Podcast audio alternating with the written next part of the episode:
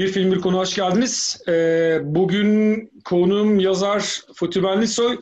Ee, Fatih'i ben epey zamandır davet etmeyi düşünüyordum. Çünkü e, ben onun yazılarını çok beğenerek takip ediyorum. Özellikle siyaset üzerine yazdıklarını ama pandemi dönemi e, distopya filmleri üzerinden böyle bir seri yazılar da gelince ben e, bu programa davet etmenin kaçınılmaz olduğunu karar vermiştim ki zaten yine benzer bir tema üzerinden gideceğiz ama öncesinde şöyle var. Şimdi nasıl gidiyor hayat? Bu hani pandemi öncesi, pandemi sonrası şu sıralarda e, neler yaptın, neler yapıyorsun?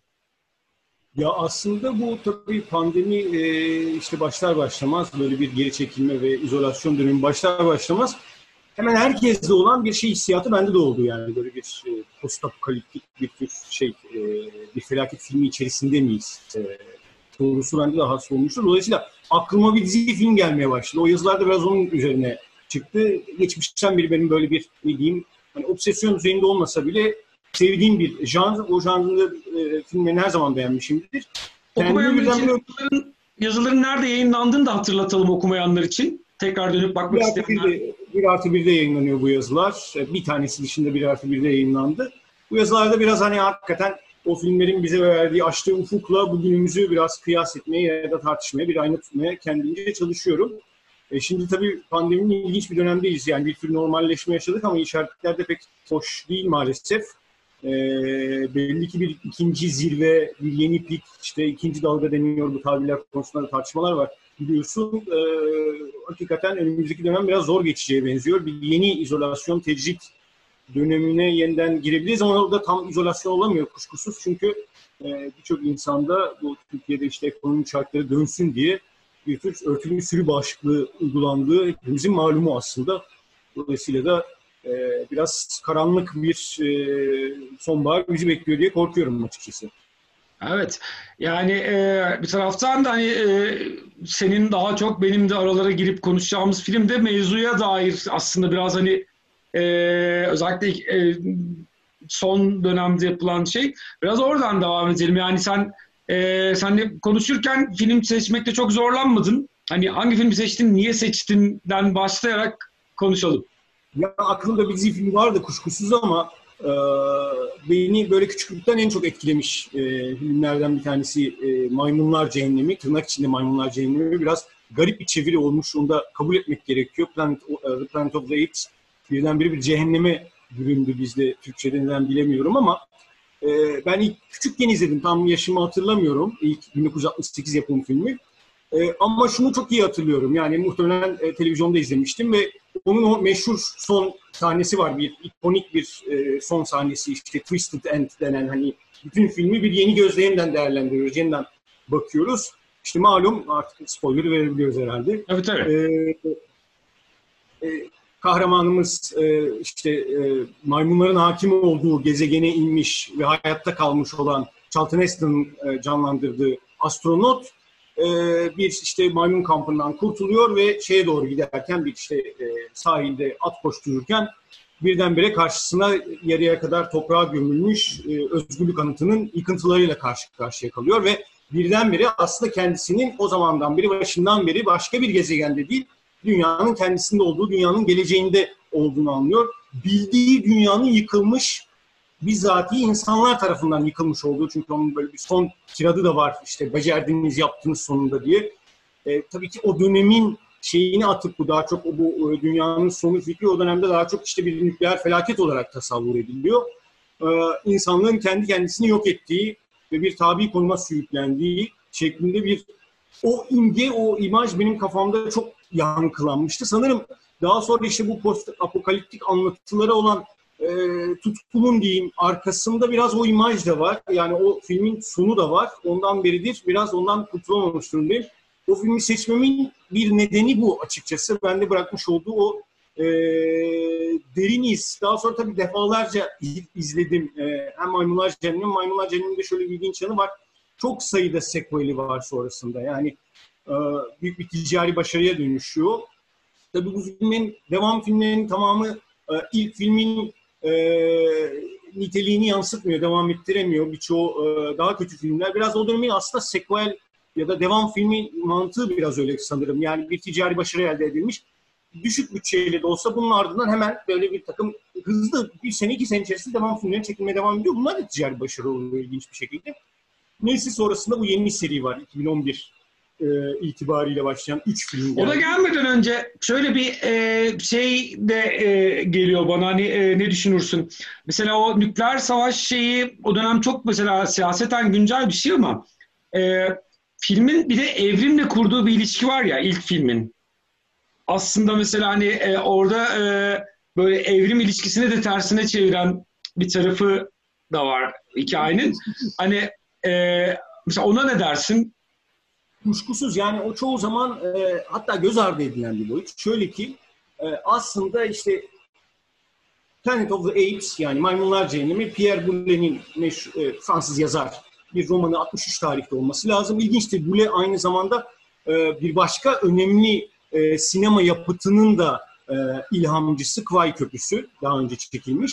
E, 1957 sanırım e, Pierre Boulez'in daha böyle Jonathan Swift'e vari bir hiciv romanı aslında bu. Yani ne, yapıyor? İşte maymunları e, aynasında işte toplumumuzu bir tür e, eleştirmeye çalışan daha böyle satirik bir romanken 1968'deki film daha işte böyle bir felaket sonrası insanlığın sonu, insanlığın işte bu evrim meselesi, kürsel sonu gibi başka sorularla birlikte gelmeye başlıyor. Şimdi orada bir soru işareti şu. Genellikle Maymunlar Cehennemi ve sonrasındaki filmlerde bir takım başka o dönemin yakıcı siyasal sorunlarının bir eleştirisi, onun işte bir e, bir alegorisi olarak düşünülüyor. Yani ne olabilir bu? Maymunlar Cehennemi'nde çok sık karşımıza çıkan hele ilk dönem filmlerinde Amerika'daki ırksal gerilim, e, siyahlara karşı şiddet. E, Maymunlar Cehennemi bir dizi filminde aslında maymunların tabii ki şunu da unutmamak gerekiyor köleler, siyahlar eskiden beri yani 19. yüzyıldan itibaren hatta daha öncesinden onları maymun olarak temsil etmeye dönük bir zaten şey var. E, bir ne diyelim e, bir beyaz üstünlükçü tarihsel damar var ve bu damarın üzerine basarak gelen bir film birdenbire karşınıza maymunların insanları ezdiği, işte onlara e, eziyet ettiği bir dünya ile karşı karşıya kaldığımızda doğrudan doğruya aklımıza ırkçılık, özellikle Amerika'da 60'ların sonundayız. 68'in hemen arkasında 70'lerin e, ilk yarısına devam edecek devam filmleri. Dolayısıyla işte Amerika'da sivil haklar hareketi gelişmiş, e, getto isyanları yaşanıyor, siyah güç hareketi güçleniyor. Bütün bu arka planda bunun bir alegorisi olarak düşünmek mümkün. Hakeza işte nükleer savaş meselesinin bir alegorisi, dünyanın sonu nükleer savaş dolayısıyla ikinci filmde e, Beneath the Planet of the Apes, Maymunlar Cehennemin altında diye çevireyim e, hatırlarsanız bir mutant insan topluluğu var. Bu insanlarda bir nükleer füze, bir nükleer başlığa takıyorlar. E, ve işte dünya yok olacak o başlıkla birlikte. Dolayısıyla bir nükleer savaş tehdidi karşısında onun bir alegorisi olarak düşünülebilir. Üçüncü filmde daha çok feminist hareketle bir tartışma var vesaire vesaire. Bütün filmlerde bugüne de geldiğimiz yani son işte War for the e, Planet of the Apes 2000 sanırım 16 idi. Son filme geldiğimizde Onda da işte Amerika'da yükselmekte olan beyaz üstünlükçü hareket, ırkçı hareket, neonazizm vesaire meselesi, toplama kampları, göçmenlik gibi meselelerin bir alegorisi haline dönüşmüş oluyor. Soruya döneyim, parantezi büyük açtım. Bütün bu alegorilerin dışında maymunlar cehennemi tamamen evrim ve insan türü etrafında okumak da mümkün. Yani şunu diyebiliriz. Bir kürsel kibrimiz var. Biz kendimizi bir evrim zincirinin tepe noktası, evrim piramidinin zirvesi olarak düşünmeye meyilliyiz. Bunu ters yüz etmesi itibariyle de e, Maymunlar Cehennemi çok ilginç bir film. Aslında çok ilginç. Ben yani mesela bu noktaya daha geç vardı. E, bir başka arkadaşımla sohbet ederken bu yeni filmler üzerine bir e, hayvan hakları aktivistiydi kendisi. Ben sürekli filmde işte aa ırkçılık şöyle, aa işte isyan var işte bu Rise of the Planet of the Apes 2011'deki filmde maymunlar ayaklanıyorlar. Bir devrim anlatısı biraz heyecanlı anlatırken şunun alegorisi, şunun işte bir metaforu falan derken o da bana demişti ki ya ortada metafor, alegori de olmayabilir. Bunu doğrudan doğruya ya hayvanlara dönük insanların kürsel eziyeti, sistematik sömürüsü, onları imha etmesi, onları sistematik eza ve cefaya tabi tutması karşısında hayvanların da direnç gösterebileceğine dair, bireysel ya da kolektif direnç gösterebileceğine dair bir şey, bir emare olarak okunamaz mı demişti. Yani tam da burada ikinci filme biraz ufak ufak geçiş yapabiliriz. Seydan hani bu evrime bir küçük katkı yapayım hani orada çünkü hani mesela 68'deki e, hikayede e, evrim ilişkisini terse çevirip insanların aslında maymunların insanlardan devam eden bir üst tür olması gibi bir durum var. O şeyi tersi çeviriyor.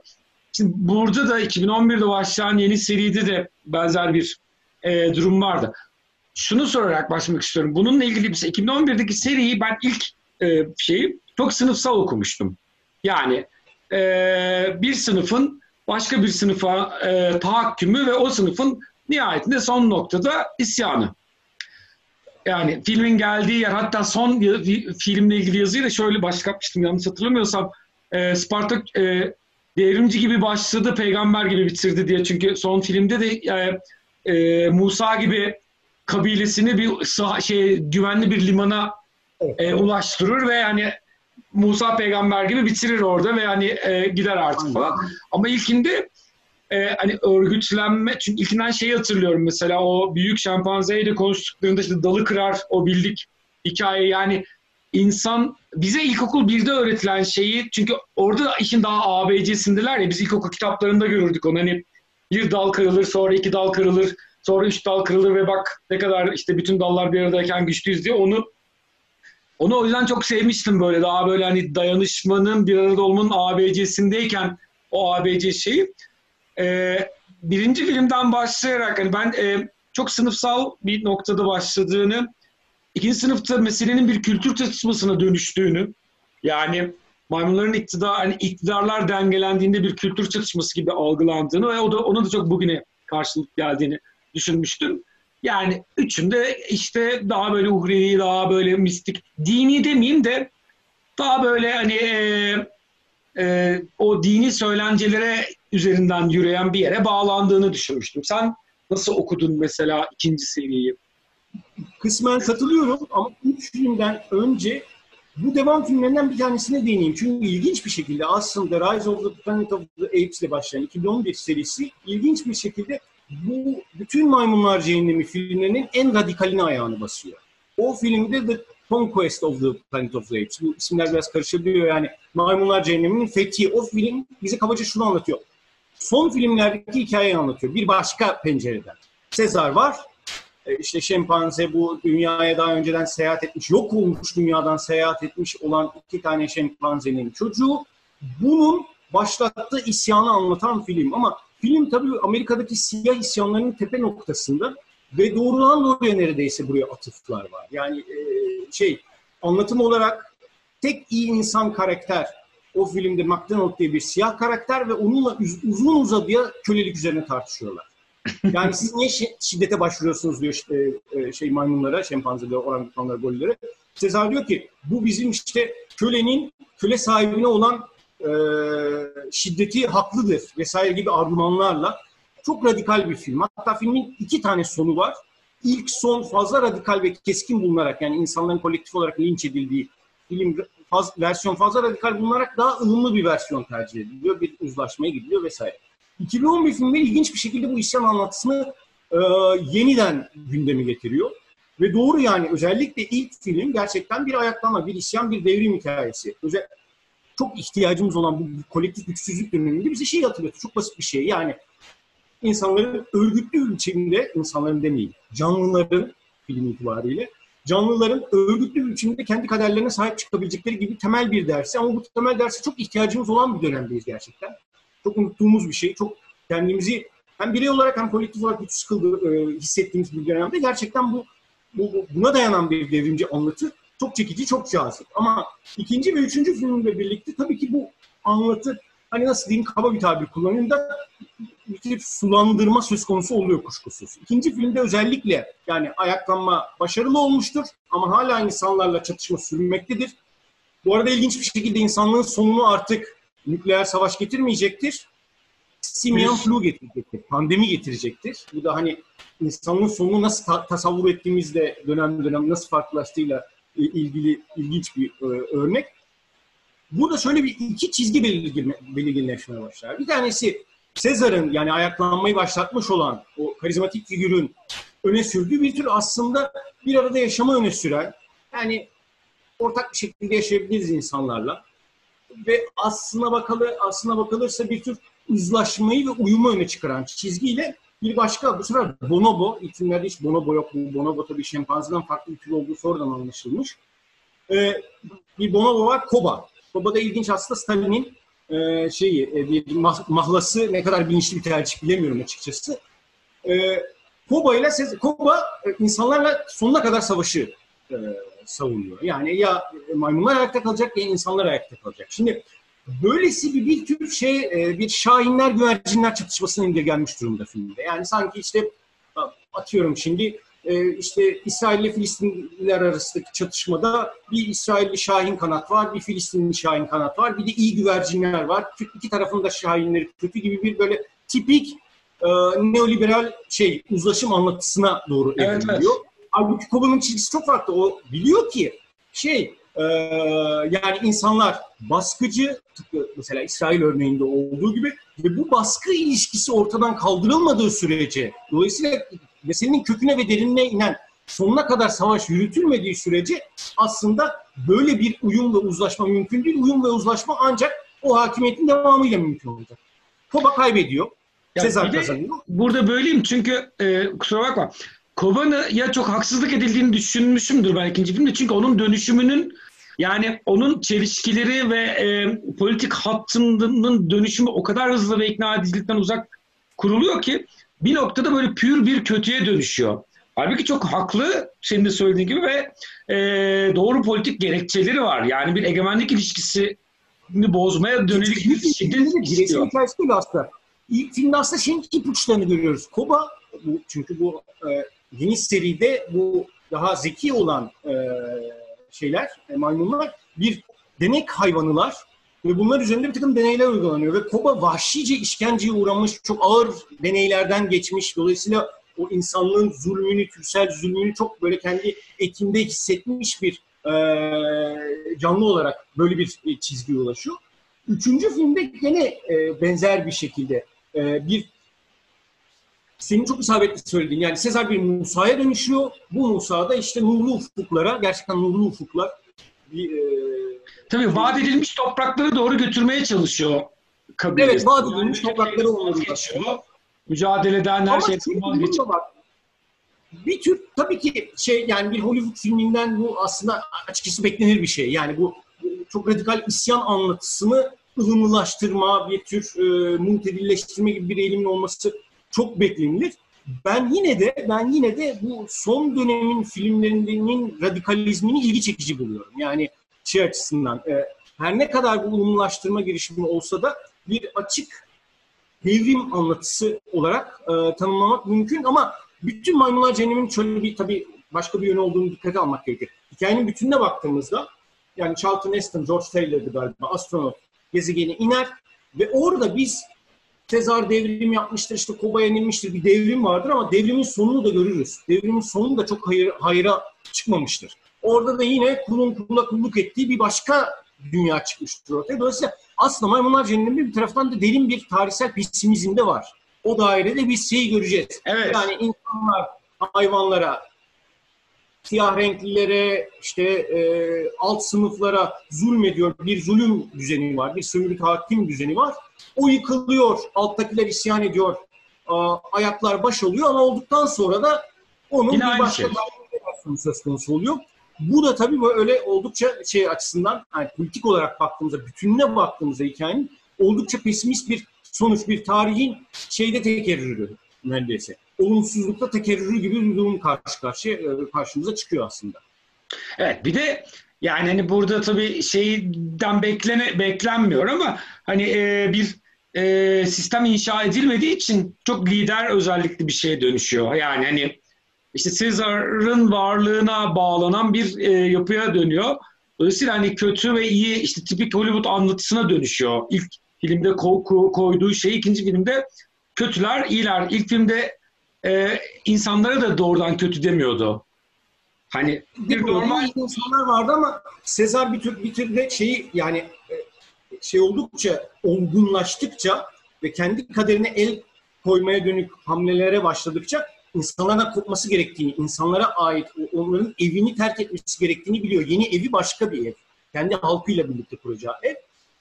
Ee, ama e, işte tabii bu şey bu liderlik yani oldukça problemli şeyler var tabii ki. Bu e, işte son filmdeki bu yeni işte ütopik varılan kutsal vaat edilmiş topraklar açıkçası şeyi andırıyor. Yani böyle bir tür e, cilalanmış bir tür ilkelciliği, primitivizmi sanki böyle bir e, doğacılığa dönerek bir buluş. Onda tabii küçük problemleri var. Yani maymun ağacının en önemli problemlerinden bir tanesi. Mesela kadınlar yok gibi bir şey. Konuşan kadın o kadar az ki Zira var sadece. Evet, bir Tim Burton'ın filminde mesela çok varlar. Mesela Tim Burton'ın yani en kötülerinden bir tanesi ama Tim Burton'ın filminde konuşan kadın çoktu mesela. Evet, evet. Ama evet. filmlerin en kötülerinden biri olabilir o mesela. Yani Tim Burton romana daha fazla sadık kalıyor sonuyla da. Halbuki e, bu e, 68'de başlayan seride, ilk seride ve devam eden de bu e, apokaliptik şeyi bu Rod Serling koyuyor. Alacakaranlık Kuşağı'nın ilk serisinden bildiğimiz ve e, şeyin de senaryosunu yazan, Maymunlar Cennetleri'nin senaryosunu yazan Rod Serling bu işte özgürlük anıtı, insanların insanın kendi uygarlığını yok etmesi, Alacakaranlık Kuşağı'nın bir bölümünde vardır bu arada şey.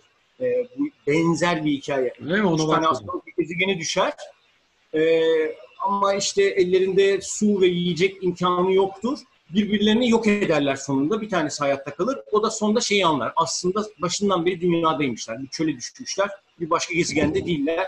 Fakat onların nasıl böyle bir neredeyse birbirini yemeye sürüklendiğini anlatan bir kısa bölümü vardı. Muhtemelen oradan esinli başka bir e, son o, o şeydeki. Tim Burton o ağırlığı yakalayamıyor tam olarak. Yani bu felaket insanlığın sonu ki sanırım Maymunlar Cehennemi'ni de çekici kılan bu. Yani İsyan anlatısı evet, Amerika'daki ırksal hiyerarşi, tahakküm, baskı onun bir metaforu evet. Bir dizi başka meseleye değinmesi evet ama Maymunlar Cemi'ni her zaman en çekici, en canlı kılan şey insanın türsel varlığının sona ermesi.